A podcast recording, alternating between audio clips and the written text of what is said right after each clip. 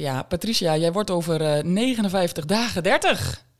Ja, 59 is wel, dat is wel echt dichtbij. Maar ik denk dat ik er vrede mee begin te krijgen. Ja, voor mij duurt het nog eh 181 dagen. Kinderen, koophuis,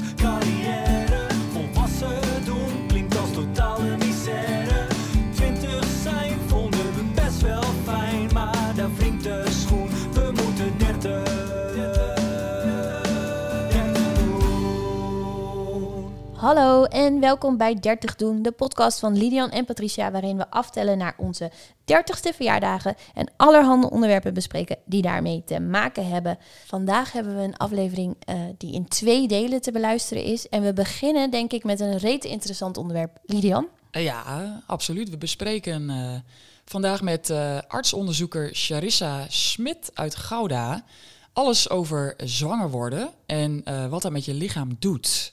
En zij is eh, eh, artsonderzoeker preconceptiezorg, als ik het goed zeg. Juist. Dan gaan we haar even bellen. We gaan haar bellen. Dokter Smit. Daar is hij. Woehoe. Hey, goedemorgen. Goedemorgen, Goedemorgen. dokter Smit. Hallo. Hallo. Voor de luisteraars, eh Charissa en ik zijn nichtjes, daar kennen we elkaar van. Ehm hey Is, jij bent ook nog niet zo heel lang 30. Wat vind jij daar eigenlijk van? Hmm. Nou, ik vond 30 toch wel een dingetje hoor. Ja, toch wel, hè? Eh, ja, vanaf je 29 is het zo van, oh, dit was wel even de laatste verjaardag voor mijn 30ste. Maar ik moet eerlijk zeggen dat ik me pas echt 30 begon te voelen toen ik 31 werd. Waarom? Dan kun je er echt niet meer onderuit of zo. Ik weet het niet. Dan is die grens echt gepasseerd. Dan ben je niet meer net 30, maar dan ben je een dertiger. Precies, ik denk dat dat het was. Zullen wij ook maar meteen eh, ter zake komen dan? Dat is goed. Ja, want een, een onderwerp dat veel terugkomt in onze podcast is het wel of niet krijgen van, eh, van kinderen, of, of kinderen nemen. Uh, Ja, omdat dat iets is wat voor ons gevoel toch wel in die, dat decennium van, eh, van 30 zijn moet gebeuren. Eh, maar is dat eigenlijk ook wel zo? Of, of kunnen we daar ook nog rustig tien jaar over nadenken? Ja, dat ligt er eigenlijk een beetje aan hoe belangrijk het voor je is. Hè? Ehm, kijk, eh, vroeger eh, eh, zeiden we eerst opleiding en dergelijke. En daar hebben we allemaal heel erg goed naar geluisterd. De gemiddelde leeftijd dat een Nederlandse vrouw haar kind krijgt, is opgelopen. Ehm, maar tegenwoordig zeggen we ook wel eens, een slimme meid krijgt haar kind op tijd. En ja, ik denk dat dat een heel persoonlijke afweging is. En ik denk ook dat voor de ene persoon, ja, die periode wat eerder aan, aanbreekt dan voor de ander. En je moet natuurlijk ook wel de juiste persoon hebben gevonden als je het niet alleen zou willen doen. Ja, Een slimme meid krijgt haar kind op tijd, zei je dat nou? Ja, ja, dat klopt. Dat heb ik nog En- nooit gehoord. Nee, nou ja, hij is ook niet zo heel erg populair. En eh, eh, wat er eigenlijk achter zit, hè, ehm, kijk, allereerst zouden we het eigenlijk moeten hebben over de vraag of je inderdaad eh, eh, kinderen wilt hebben. Want over het algemeen wordt dat een beetje gezien als standaard. Hè? En ehm, vooral als mensen ook aangeven van, goh, ik ben er nog niet over uit, of ik, eh, ik denk van niet, dat er vaak een beetje lacherig over gedaan wordt. Maar als je dan hebt besloten van, nou, hè, ik wil toch graag ooit kinderen, dan is inderdaad eh, dit decennium wel de aangewezen tijd om daar eh, ja, toch nog voor te gaan, denk ik. Ja, een slimme meid krijgt haar kind op tijd. Is dat wel iets wat jij als advies zou geven als arts? Ja, toch wel. En ehm, dat heeft er niet mee te maken dat, je, eh, eh, dat het op een later moment niet kan. Het is meer dat op het moment dat je er hulp voor nodig hebt, dat het wel prettig is om die tijd ook nog te hebben. Snap je? Ja. Dat is, eh, kijk, we hopen natuurlijk allemaal dat het super vlot gaat en super makkelijk. Ehm, maar in realiteit blijkt wel dat ja, zo'n 1 op de 8 stellen uiteindelijk tegen vruchtbaarheidsproblematiek aanloopt. En dat is nog best wel veel.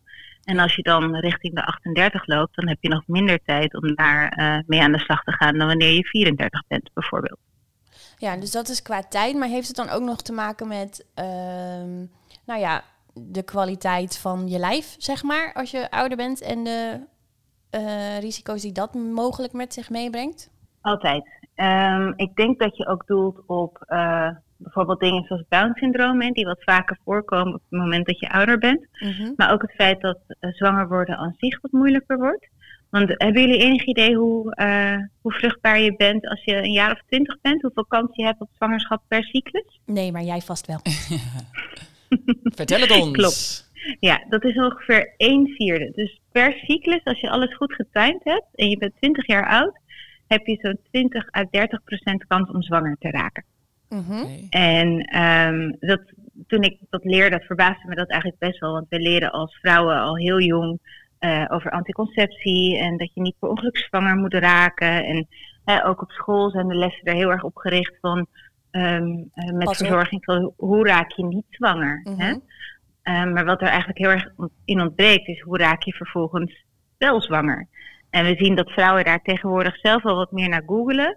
Maar dat er ook heel erg nog een, ja, een beetje een, een sausje overheen zit van, nou, hè, wanneer het zover is, moet het vanzelf komen. Ehm, en daardoor kunnen vrouwen ook best wel onzeker worden. Want een vierde kans als je 20 bent, dat eh, loopt langzaam af natuurlijk. Hè. Op je dertigste is het bijvoorbeeld nog 1 vijfde. Dus dat is 20% kans per cyclus om zwanger te raken. Mhm. Als je 35 bent, zit je op ongeveer 15%. En als je 40 bent, zit je op 7% per cyclus. Oh, dat loopt ook best wel hard af dan. Ja, na je 35ste loopt het inderdaad echt hard af. En daarvoor valt het nog wel een beetje mee. Ehm, dus vandaar ook, hè, een slimme meid krijgt haar kind op tijd. Als je echt, echt, echt heel graag moeder wil worden, zou mijn advies wel zijn om voor je 35ste te gaan proberen. Ja. Voor je 35ste. Ja. Dus eh, wij Ja. hebben nog, eh, nou ja, vijf, vijf en een half jaar. Jawel, jawel. En kijk, eh, je moet je ook afvragen van ehm, eh, op het moment dat je er nog niet klaar voor bent, moet je het dan maar gaan rushen om die kans zo groot mogelijk te maken. Dat weet ik ook niet helemaal of ik dat zo zou willen stellen. Nee. Interessant. Wat trouwens nog wel een mooie vergelijking is, Mhm. die het misschien wat, wat sprekender maakt, hè, die cijfers. Cijfers zijn leuk, maar cijfers zijn abstract. Je kan het, eh, het zwanger worden eigenlijk zien als een dobbelsteen gooien. En op die dobbelsteen staat een zes. En soms gooi je de eerste keer zes. Soms gooi je zelfs een jatzee. En eh, ja, soms duurt het gewoon een keer of tien voordat je die zes gooit. Dus daarom is het normaal om tot een jaar te proberen zonder zwangerschap. En om daarna eens een keer te gaan kijken of er zeg maar überhaupt wel een goede zes op je dobbelsteen staat. Ja, dat vond ik wel interessant. Want ik, ehm, er zijn vriendinnen in mijn omgeving die eh, proberen zwanger te worden. En die kwamen er dus ook achter dat eh, na een paar keer proberen van... Goh, nou, misschien is er iets aan de hand. Kan ik even naar de Mhm. dokter? Maar die kregen inderdaad te horen... Nee, eh, dat kan eigenlijk pas na een jaar. Er zijn wel wat uitzonderingen op hoor. Je hebt ehm, bijvoorbeeld op het moment dat je eh, van jezelf al bekend bent met een onregelmatige cyclus. ehm, en eh, nou, ik zeg maar wat, je stopt met de pil en die onregelmatige cyclus die komt terug. Hè, want met de pil heb je een onttrekkingsbloeding, niet een menstruatie. Ehm, nou ja, dan weet je al van jezelf van oké, dit is wat mijn lijf eerder ook deed. En dan kun je bijvoorbeeld zeggen, ik ga na zes maanden alvast een keer naar de dokter. En als je menstruatie helemaal wegblijft na het stoppen met anticonceptie, dan is dat ook een reden. Want je moet natuurlijk wel eh, een ijsprong hebben. Hè? Je moet wel kunnen dobbelen. Wil je een kans hebben op zwangerschap überhaupt? Ja, precies. Oké, Ja. nou, dit is voor ons denk ik... Dat was een beetje de, de, de hoofdvraag van... Goh, moeten we nu gaan opschieten? Zit er inderdaad een soort van eh, tikkende tijdklok? En is dit decennium het beste om aan kinderen te beginnen? Klopt het dat die levenskeuze nu komt? Ehm, Mhm. Maar waar wij ook wel benieuwd naar zijn is... Bestaat bijvoorbeeld de biologische klok waar je het vaak over hebt... eh, eh, bestaat die echt? Is dat een, een, een ding? Ja. ja, hij is natuurlijk Eh, aan de ene kant eh, eh, de manier waarop je je leven vormgeeft en in welke fase je zit. En hè, dat is iets wat ik zelf ook wel gemerkt heb. Dat ik aan de ene kant, ehm, eh, nou, hè, ik had al jaren een kinderwens om het zo te zeggen, maar ik heb hem toch uitgesteld tot mijn 31ste. ehm, omdat ik er verder nog niet klaar voor was qua leven en indeling en dergelijke. En aan de andere kant heb je inderdaad gewoon het biologische verval, als we daarover mogen spreken. Ehm, De aftakeling? ja, de, de grote aftakeling. Eh, wat er inderdaad wel voor zorgt dat des te jonger je bent, des te groter de kans dat je vlot zwanger raakt. Des te groter de kans dat je eh, eh, nou ja, hè, een gezond kindje krijgt. Ehm, alleen waar we daar wel rekening mee moeten houden, is dat we natuurlijk kijken naar de rampscenario's. Hè? Ehm, bijvoorbeeld afwijkingen aan de chromosomen komen in absolute aantallen het meeste voor bij jonge vrouwen. En niet zozeer bij oude vrouwen. Terwijl we altijd leren van hè, oude vrouwen hebben meer kans op Down-syndroom, et cetera. Mm. Maar ehm, jonge vrouwen krijgen relatief meer kinderen. Dus daar komt het vaker voor. Hmm. Dus je moet het ook wel in perspectief blijven zien. En op het moment dat het voor jou het juiste moment is om een kindje te krijgen. ehm, ja, als je dan zorgt dat je goede voorbereiding doet. Hè, dus bijvoorbeeld stoppen met roken, stoppen met eh, veel alcohol drinken, geen drugs gebruiken. Ja, dan doe je eigenlijk alles wat je kan. Daar waren we nog niet. Ja. Maar niet. biologische klok, eh, ja, kun je even uitleggen, wat, wat is dat eigenlijk precies, een biologische klok? Ehm, nou, je lijf wordt ouder. Daar horen allerlei processen bij natuurlijk. Hè. Ehm, en eh, in je vruchtbare leeftijd eh, eh, nou, heb je een aantal hormonen die op elkaar inspelen en zorgen dat je een cyclus hebt en dergelijke. En eigenlijk tussen je eerste menstruatie en je laatste menstruatie heeft dat een soort nou, stabiele fase. Ehm, en uiteindelijk ergens rond nou, je dertigste begint dat al langzamerhand af te takelen. Hè, dus dat gaat heel erg langzaam. Ehm, je, het aantal eicellen wat je hebt neemt langzaam af. Je verbruikt er een aantal. eh, hè, en ehm, naarmate je dichter bij die 45, 50 komt, ga je echt richting de menopauze. Maar dat is niet een knopje wat omgaat. Het is eigenlijk een langzaam verval. En ehm, daar heb je zelf wel invloed op Mhm. hoe snel dat verval gaat. Want bijvoorbeeld roken heeft, een, eh, eh, heeft invloed op hoe laat je of hoe lang je eicelvoorraad goed blijft. Ehm, maar het is ook deels genetisch. Dus als je weet dat je moeder vroeg in de overgang kwam, dan kan het bijvoorbeeld ook zijn dat je dat zelf ehm, zult ervaren. Ja. Dus die biologische klok die is echt, eh, echt wel aanwezig. Maar hij is individueel ook weer heel erg verschillend. Kan het zijn dat, want ik heb het idee, maar correct me if I'm wrong, dat je hebt zeg maar de biologische klok als in je, je lijf tikt. Dus dat is Mhm. waar we het nu over hebben. Maar dat er ook een soort van ehm, gevoelens in je loskomen rond deze periode. Dat als je een vader ziet met een kindje in een draagzak, dat je dan daar meer kriebels van krijgt nu dan dat je misschien kreeg toen je 18 Die, eh, was. die rammelende eierstokken. Exact, dat, dat idee. Ja, jullie kleppen al de pan uit, begrijp ik? Of valt het nog mee? Nee, dat, dat valt dus echt nog heel erg mee. Ja, van mee. Ja. Ja. Nou, dat is wel iets wat je eh, vaker hoort. Tenminste, wat ik vaker om me heen hoor tegenwoordig. Ehm, dat we eigenlijk de keuze, de standaardkeuze om een gezin te starten, dat we dat wat meer onder de loep nemen. En dat daar eigenlijk ook wat meer bij hoort dat eh, we dit soort gevoelens heel bewust ervaren. Ik ben zelf wat meer ehm, ja, ouderwets daarin geweest, denk ik. Ik heb altijd een hele grote kinderwens gehad, dus ik klep er al jaren de pan uit. Ehm, maar ik denk dat het inderdaad voor veel vrouwen wel herkenbaar is dat ze zelfs in hun eh, eerste dertiger jaren dat gevoel nog niet zo sterk hebben. En op zich is dat prima, denk ik. Hè? Ehm, als je maar wel in je achterhoofd houdt dat als je inderdaad echt heel graag bijvoorbeeld uiteindelijk een groot gezin wilde, maar je daar op je 33ste nog niet klaar voor voelt, dat je misschien toch eens zou moeten beginnen met één. Ja, Ja. want een verstandige meid... Krijg haar kind op tijd. Even nostalgisch. Ja, we onderbreken dit serieuze onderwerp even met iets luchtigs. Want wat was er nou helemaal hip toen wij 90s kiddo's klein waren?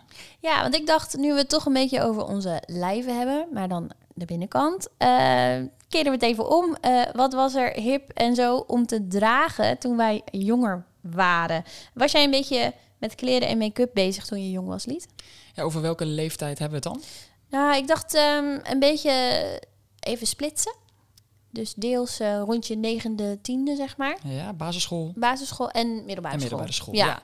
Ja. Ehm, nou, ehm, ik, was, ik was niet echt... eh, nou, ik was er niet heel erg mee bezig, maar ik had denk ik wel een duidelijk idee van wat ik, eh, wat ik wou dragen. Want ik, ik weet dat ik in groep 7 per se van die strakke broeken met wijde pijpen wilde hebben. Dus ik had denk ik wel een idee van, van wat de mode was, want dat zal de mode zijn geweest. En toen kreeg ik er twee en eh, die haalde mijn moeder van eh Katrijn, dat is een tweedehandswinkel in Annen. En daar was ik echt zo blij mee. Ik was zo blij met die broeken. Die, eh, die droeg ik vol trots. Wat leuk. En jij? Nou, ik heb hier eventjes wat voorbeelden voor op moeten zo- zoeken. Want ik wist, ik weet niet meer zo goed wat ik op de basisschool nou echt geweldig vond. Ehm, en dus ik heb gezocht op 90s mode. En eh, er kwamen allemaal eh, voorbeelden van naar voren waar ik heel hard om moest eh, lachen. Zoals van die haarklemmetjes. Dat je dan je haar, zeg maar, in, van die, allemaal van die kleine clipjes en zo Ja, had, ja. zeg maar. Die dingen. Ehm, glitterspul voor in je haar, van het glitterlijm had Ja. ik. Ehm, eh, broeken met wijde pijpen. He- hemdjes en dan het liefst meerdere over elkaar. Ik weet niet waarom. Laagjes. niet per se. Laagjes. Ehm Ux. Nee, nee, nooit gehad. Oké, want toen ik 12 was, had ik een krantenwijk. En je mag dan eh, rond de oud en nieuw eh, langs de deuren. En dan krijg je extra geld. En eh, dat kreeg ik. En daar heb ik mijn eerste Ux voor gekocht. Maar er waren neppe Ux, maar ze waren felroze. Wauw. En daar was ik echt super trots op. Nou, daar stal jij de show mee in Vinkhuizen, denk ik. Ja, precies. nou, dus dat soort dingen eigenlijk. Ja, en 90s. wat, wat ik ook nog wel goed weet van die tijd is dat strakke bandje wat je om je nek had. Zo'n tattoo-ketting. Joker. Toch? Ja, ja. Die had ik ook. Ja en ook al vrij jong op, op, de, op de basisschool. Want de middelbare school heb ik nog niet eh, besproken. Maar ehm, toen wa- was ik niet veel bezig met, met make-up en zo. En mode ook niet echt, maar ik wist wel wat ik leuk vond. Maar ik was denk ik niet iemand die heel erg voorop liep met al die, al die trenddingetjes. Nee, ik liep ook niet voorop, maar ik liep wel heel hard mee. Meelopertje. Nee, maar jij, jij, jij bent nu ook heel erg eh, hip altijd. Ja, maar ik, heb, de ik denk dat ik mijn stijl pas echt ont- heb ontdekt toen ik bij de Monkey ging werken. Oh ja, jij bent een monkey meisje. Echt een monkey meisje, ja. Even nostalgisch.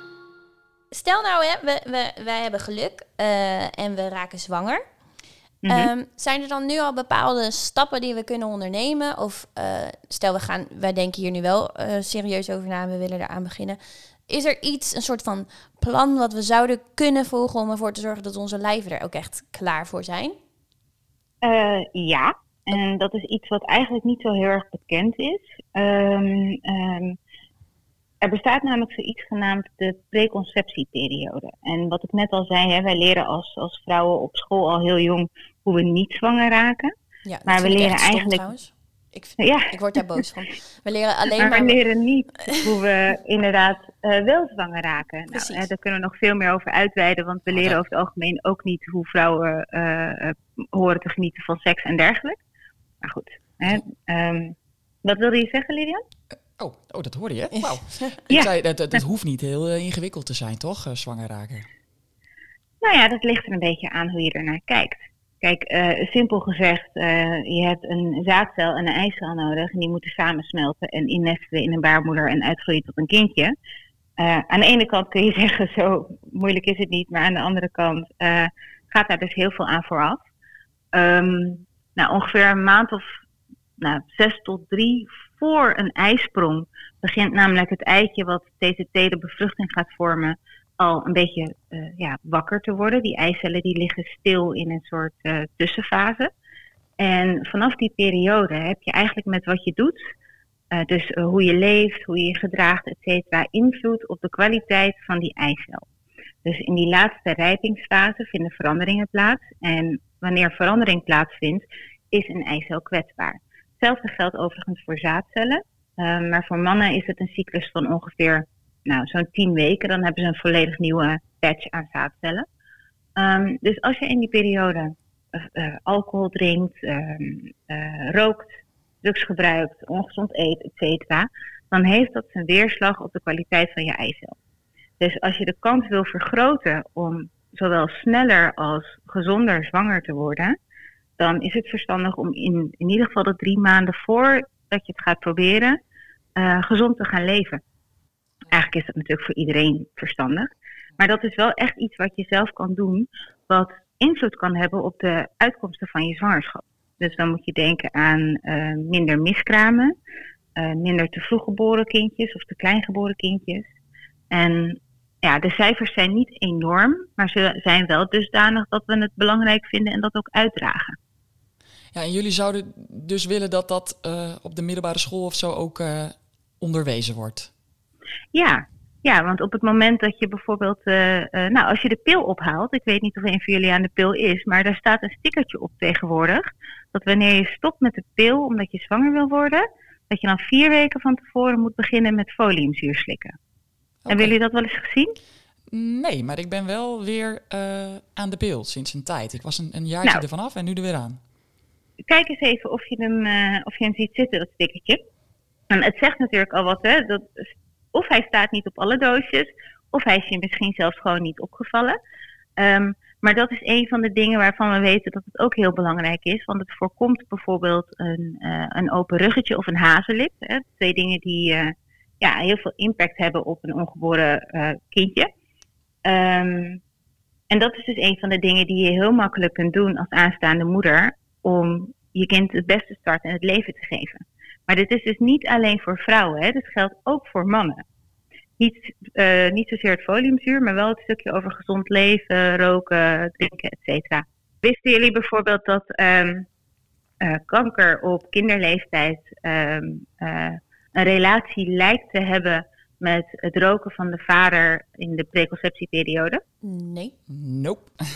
Nee, en dat weten de meeste mensen bijvoorbeeld niet. En kijk, hè, het is altijd heel gevaarlijk om ehm, dit soort dingen eh, te zwaar te maken. Je moet absoluut niet gaan kijken met een schuldvraag, hè, eh, want dat is niet de bedoeling. We zijn allemaal mensen en het is al moeilijk genoeg eh, om jezelf goed staande te houden als een eh 30-jarige volwassene. Maar eh, dat wat je kunt doen is misschien wel fijn om naar te kijken. Het hoeft niet perfect, hè? Nee, precies. En ehm, ehm, want dit gaat natuurlijk heel veel over eh, eh, eh, de binnenkant en de eitjes en zo. Maar is er ook iets qua lijf wat je aan jezelf kunt doen? Eh Leon, ik heb het er wel eens over gehad, maar dat, er, er schijnt toch zo, het schijnt toch te zijn dat als je wat zwaarder bent, dat je meer complicaties kunt hebben eh, als je zwanger wordt, bent. Eh, ja. ja, dat klopt. Ehm, wat we eh, zien bij vrouwen die wat zwaarder zijn, is dat ze wat vaker cyclusproblemen hebben. Dus eh, om een goede kans te hebben op zwangerschap moet je natuurlijk ook gewoon elke maand goed een eicel vrij kunnen laten. Dus op het moment dat je cyclus in de war is, dat, dat kan een verband hebben met overgewicht. En ehm, daarom zeggen we ook tegen vrouwen die bij ons komen voor vruchtbaarheidsproblematiek, eh, die fors overgewicht hebben, dat ze bijvoorbeeld eerst eh 5 tot 10 procent moeten afvallen.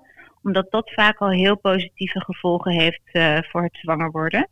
En in de zwangerschap zie je inderdaad wat vaker problematiek zoals te grote kindjes of zwangerschapssuiker. Maar er zijn ook vrouwen die fietsen er gewoon doorheen. Als jij elke maand een goede ijsprong hebt of je bent verder behoorlijk fit, dan kan het ook gewoon zijn dat je een heerlijk probleemloze zwangerschap tegemoet gaat hoor. Ja. Nou heb ik ook wel eens gehoord dat je eh, maar beter eh, minimaal een jaar voordat je zwanger wordt eh, goed die, die buikspieren en zo kunt trainen. Omdat Mhm. je, als je dan eenmaal bevallen bent, ook weer sneller strak wordt. Klopt dat? Hmm. Nou, sneller strak worden, dat is geluk hebben en ook een beetje genen. Hè? Ehm, het is natuurlijk ook de huid die uitrekt. Maar wat we wel weten is dat als je voor je zwangerschap eh, fit bent en ook als je vooral lekker blijft sporten in je zwangerschap, hè, desnoods aangepast natuurlijk, dat dat wel zorgt voor een vlotter herstel en ook een prettigere zwangerschap. Dus op het moment dat je ehm, ja, gewoon goed lekker in je vel zit en wat uithoudingsvermogen hebt, dan heb je wat minder last van kwaaltjes, zowel tijdens de zwangerschap als daarna. Ja, ja, ja. Nou, ja, je kunt dus sowieso maar beter gewoon altijd gezond leven, lekker sporten. Precies. Ja. Maar wat ik wel wil voorkomen is dat vrouwen met overgewicht, zeg maar, ehm, eh, eh, denken dat het altijd problematisch hoeft te zijn. Weet je, overgewicht heeft in onze eh, maatschappij best wel een, ehm, nou ja, een, een negatief imago. Mensen kijken er soms een beetje op neer. En dan denk ik, ja, hallo, zo heel makkelijk is het niet om in onze maatschappij van tegenwoordig een gezond BMI te houden. Dus ja, weet je, laten we gewoon in ieder geval met z'n allen kijken wat we wel kunnen doen. En iemand die, die eh, van nature heel erg slank is, maar heel veel eh, eh, fastfood eet of rookt, ja, die kan er slechter voor staan dan iemand met een paar kilootjes overgewicht. Hmm. Ja. Hm. Waar, waar, ik, waar ik heel benieuwd naar ben, hè, want dat, dat, dat vraag je, daar, daar heb je het ook niet echt over met vriendinnen, tenminste ik niet. Maar ehm, Mhm. verandert alles ook weer terug als je zo'n baby eruit hebt ge... Dingest? Ehm, eh, define alles, zou ik zeggen. Ik denk dat, eh, dat, dat niks meer helemaal hetzelfde blijft als daarvoor. In ieder geval niet qua, qua leven. Maar wat ik wel eh, kan vertellen is dat eh vulva's heel erg goed helen. Vulva's zijn er echt voor bedoeld om kinderen uit te poepen. Ah, beter. Ehm, en natuurlijk, weet je, er zijn altijd wel rupturen die eh, eh, eh, langdurig klachten kunnen veroorzaken. Maar dat is nog zoiets wat weinig vrouwen weten. Tijdens de zwangerschap lekker al een keertje naar de bekkenbodemfysio, zeker als er klachten zijn. En ook na de zwangerschap, ehm, eh, bij bijvoorbeeld klachten zoals incontinentie en dergelijke, vooral naar de bekkenbodemfysio gaan. Want ehm, dat stukje begeleiding, dat ontbreekt soms nog een beetje. En als je daar tijd en aandacht aan besteedt, dan kan er echt heel veel weer gewoon hetzelfde worden. En wat betreft de buikspieren en je lijf, ja, het ligt er ook een beetje aan ehm, ehm, ja, wat je bereid bent om daarvoor te doen. En waar je prioriteiten liggen. En ja, gewoon tijd ook, natuurlijk. ja. Je lijf moet wel helen. Hè? Het is negen maanden op, negen maanden af. En eh, als je wel eh tijgerstrepen overhoudt of wat eh, extra pondjes her en der, nou, dan heb je ze denk ik ook behoorlijk verdiend. Maar dit is En dat wel... bedoel ik positief. Het is, het is wel iets waar, waar ik in elk geval ook wel tegen optie. Dat mijn lijf dan eventueel helemaal kan gaan veranderen. Mhm. Herken je dat? Ja, ja, absoluut. Dat herken ik heel sterk zelfs. Ik, heb, ehm, ik ben zelf vorig jaar getrouwd in september. En voor die tijd lekker fit geworden, heel erg gaan sporten en zo. En iedereen dacht allemaal dat ik dat voor die trouwjurk deed. Maar ik deed het eigenlijk omdat ik eh, ook een beetje bang was voor de lichamelijke veranderingen van een zwangerschap. ja. En ehm, nou, ik ben nu 37 weken zwanger, dus ik zit er binnenin. En ook ik vraag, dankjewel. Ook ik vraag me af en toe af van, hè, goh, gaat die duikhuid nog weer terug? En ik vind de kilo's ook niet leuk. Maar aan de andere kant ben ik heel dankbaar dat er, eh, een- voor zover ik weet, een gezond kindje in mijn buik zit.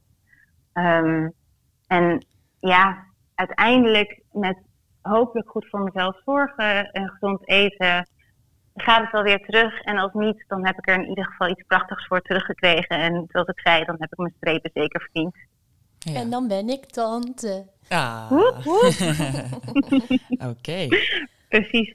Hey, ik zat te denken, ehm, want jullie hebben het ook wel heel erg over, eh, eh, moet dat kinderen krijgen dan in, in eh, eh, eh, ja, deze tien jaar gaan gebeuren. Mhm. Mhm. Ehm, we hebben het nog niet gehad over eicellen invriezen.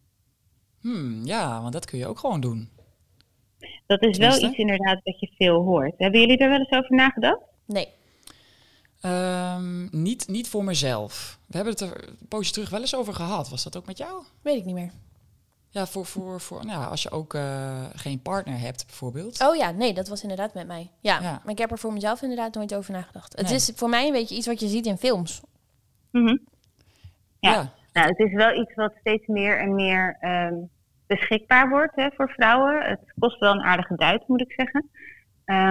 Ehm eicelleninfusie kan een hele mooie oplossing zijn voor bijvoorbeeld jonge vrouwen die een chemokuur moeten ondergaan.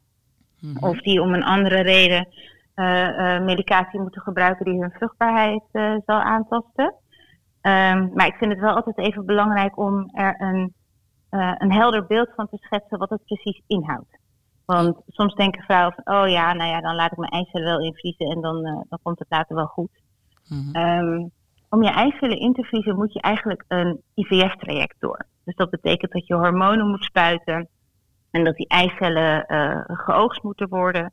Ehm, en om een goede kans te hebben op één levend geboren kindje, heb je zo'n 10 eicellen nodig.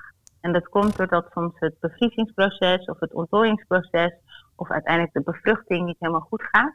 Mhm. En ehm, wanneer je een bevruchte eicel terugplaatst, eh, geeft dat ook ehm, nou, volgens mij iets van 1 vierde, 1 derde kans op zwangerschap. Dus je hebt er best wel veel nodig. Want voor 20 eicellen heb je 2 à 3 IVF-behandelingen nodig. En dat is ook het maximale wat vergoed wordt door je verzekering. Dus dat is best wel heftig. Het is ook het is heel duur, toch? Om dat te doen. Klopt. Ik heb er gisteren even naar gekeken. Volgens mij was het per behandeling ongeveer zo'n 4000 euro.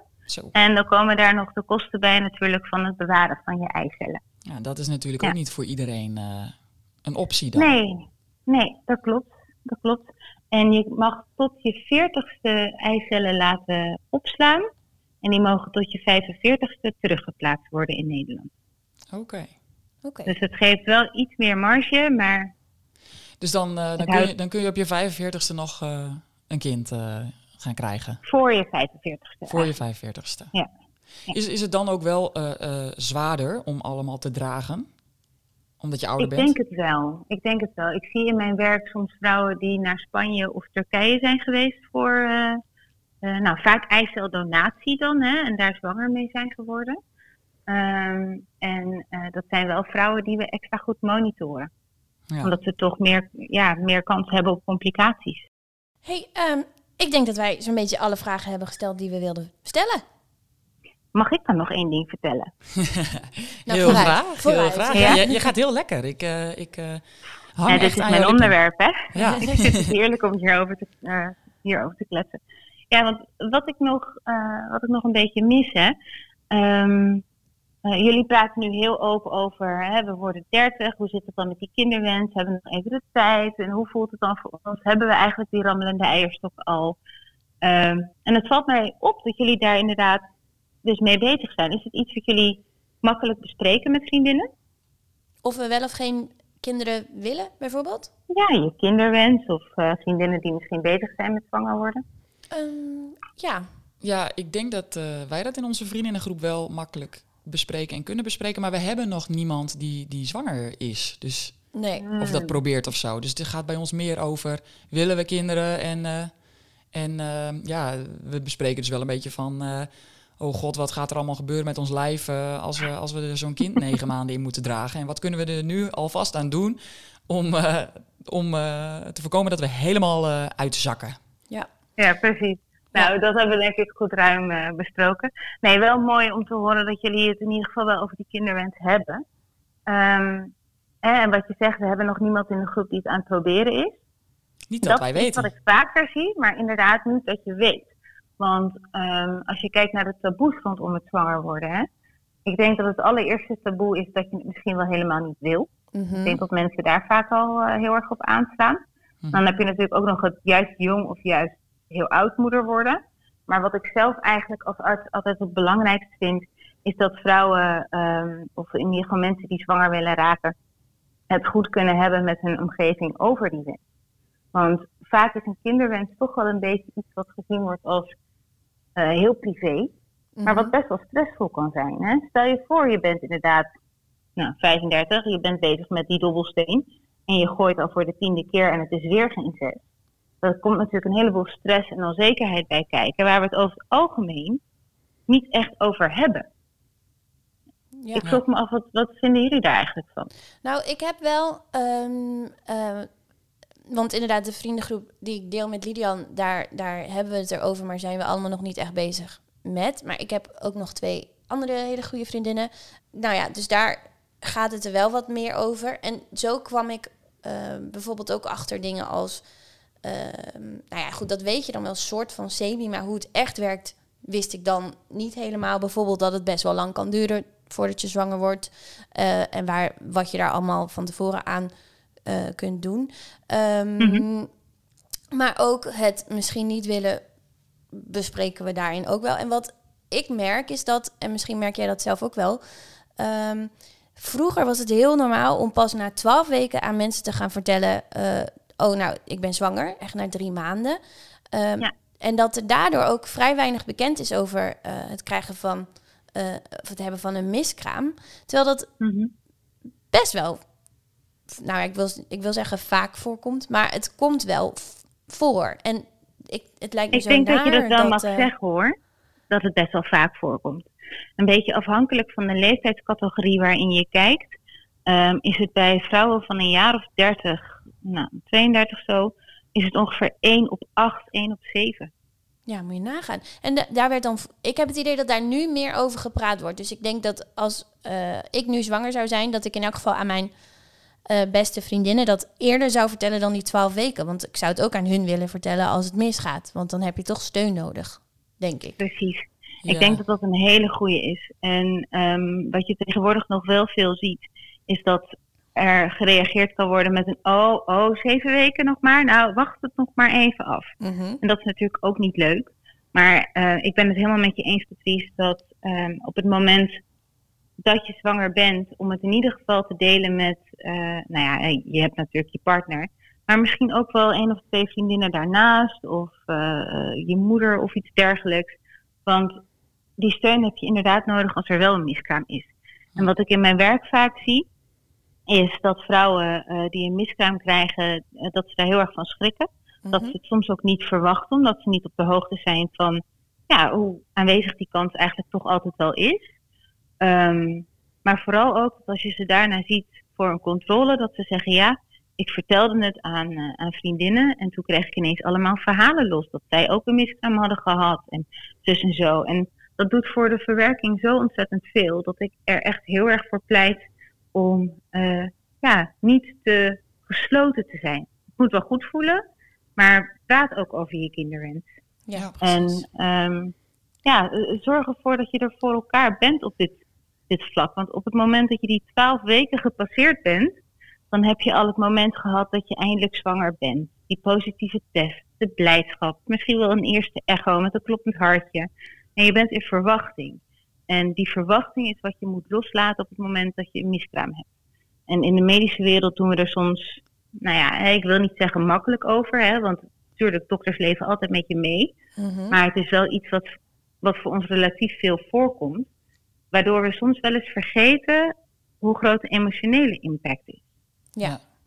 Ja, mooie dus tip. ik denk dat het wel heel fijn is als je daar met je vriendinnen goed over kan praten. Ja. Dus praat.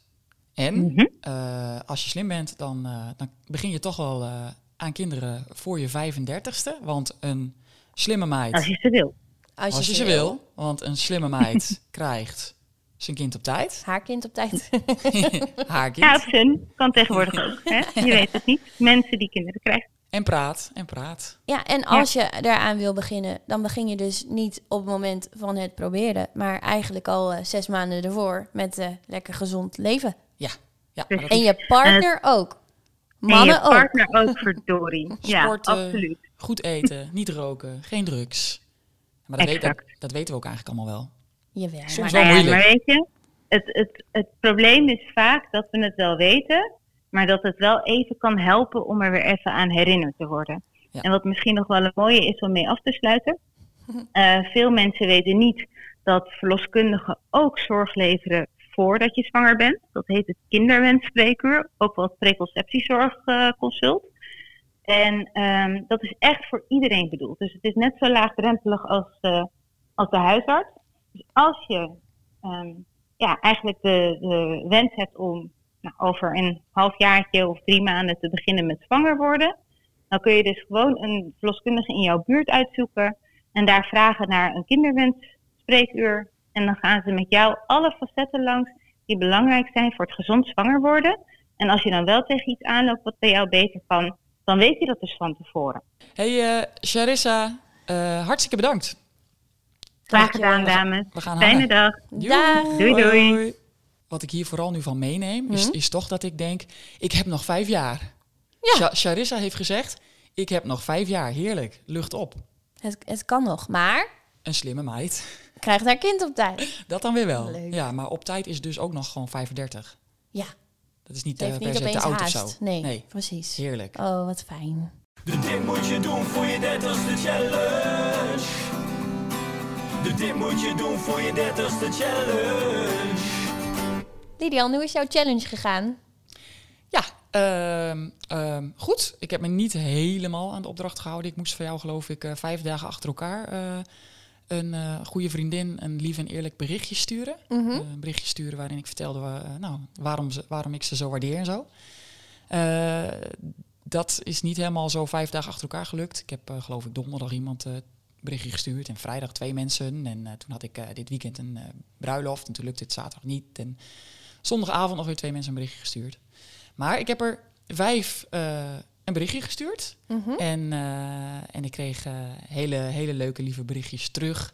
Sommige waren, eh, waren gewoon ontroerd. door wat ik ze stuurde. Nou, dat vond ik wel echt, echt heel erg lief en leuk. Dus ik vond het een hele leuke challenge. Het was in- inderdaad heel fijn om, gewoon, om dat gewoon eens uit te spreken. En dat, dat doe, doe je niet zo vaak. Dat doe je dus bijvoorbeeld op een bruiloft. Of als iemand een groot feest geeft en geslaagd is of zo. Of, of als je doodgaat Ja. op je uitvaart. Ja. Dus eh, nee, dit is, dit is, het was, eh, was wel bijzonder, ja. Ja. ja. En Dus ik ga, ik ga nog drie mensen ga ik nog een bericht sturen. Oké. Want ik, ik had gewoon eigenlijk een, Je lijstje. gewoon veel meer dan vijf goede vriendinnen. Ja, ik had een klein lijstje van deze mensen. Die moeten dan nu wel een bericht van mij krijgen. En de, de drie mensen gaan hem nog, eh, gaan hem nog krijgen. Wat leuk. Ik, ik heb ook eentje gekregen. Ik was ook ontroerd. Ja, Ja. ja. mooi zo. Ja. En hoe ging jouw challenge? Ja, nou, ik moest voor jou iets doen voor een ander. Ehm, en daar heb ik heel lang over nagedacht, want dat is natuurlijk best wel breed. En ik, ik raap al wel eens vuil op van de straat en zo. Dus ik, ehm, ik dacht, wat, wat, wat kan ik nou doen? Dus ik heb iets gedaan wat ik al heel lang wil doen, maar wat ik steeds niet doe. Ik ben heel benieuwd. Ik heb me opgegeven als bloeddonor. Oh, wat een goeie. Ja, toch? Het, Heel goed. het moet nog gebeuren, want het is vrij druk bij de dinges. Maar ik heb me opgegeven, dus de afspraak staat. En eh, ik ga eh, een beetje een litertje bloed af laten tappen. Wat slim. En wat levens redden en zo. Heel goed. Dus eh, luisteraars, eh, mogelijk heb je, heb je ooit bloed nodig. Kan het zomaar dat van mij zijn. Keurig. Lied, jij hebt voor ons, volgens mij, eh, of wij hebben voor onszelf dezelfde challenge bedacht deze keer, hè? Ja. Ik kijk hier niet echt naar uit, moet ik eerlijk zeggen. Nee, ik ook niet. Maar ik heb deze al heel lang op mijn wensenlijstje staan. Ja. En we zaten een keer samen en toen, eh, toen popte het al op. Toen keken we elkaar heel verschrikt aan. En toen dachten we allebei hetzelfde. Namelijk, dit zou nou een mooie challenge eh, zijn. Ja, want een uitdaging is het zeker. Ja. Ja, ja, ja, ja, ja. Want, wat, eh, wat gaan we doen, eh, Patrice? We gaan een Brazilian wax nemen, laten uitvoeren. Laten uitvoeren. Ja, Ja. ondergaan. Het is leuk als de oudere collega's en zo van werk dit, dit horen. Ja, dit is vast heel fijn voor de mensen om te weten dat wij dit gaan doen. Ja. Ja, maar maar, maar waar, waarom eh, is dit... eh, waarom wil jij dit doen? Want ik, ik wil het dus al heel lang doen. Ehm, ik wil dit doen omdat ik het nog nooit heb gedaan. Ja, En je hoort erover.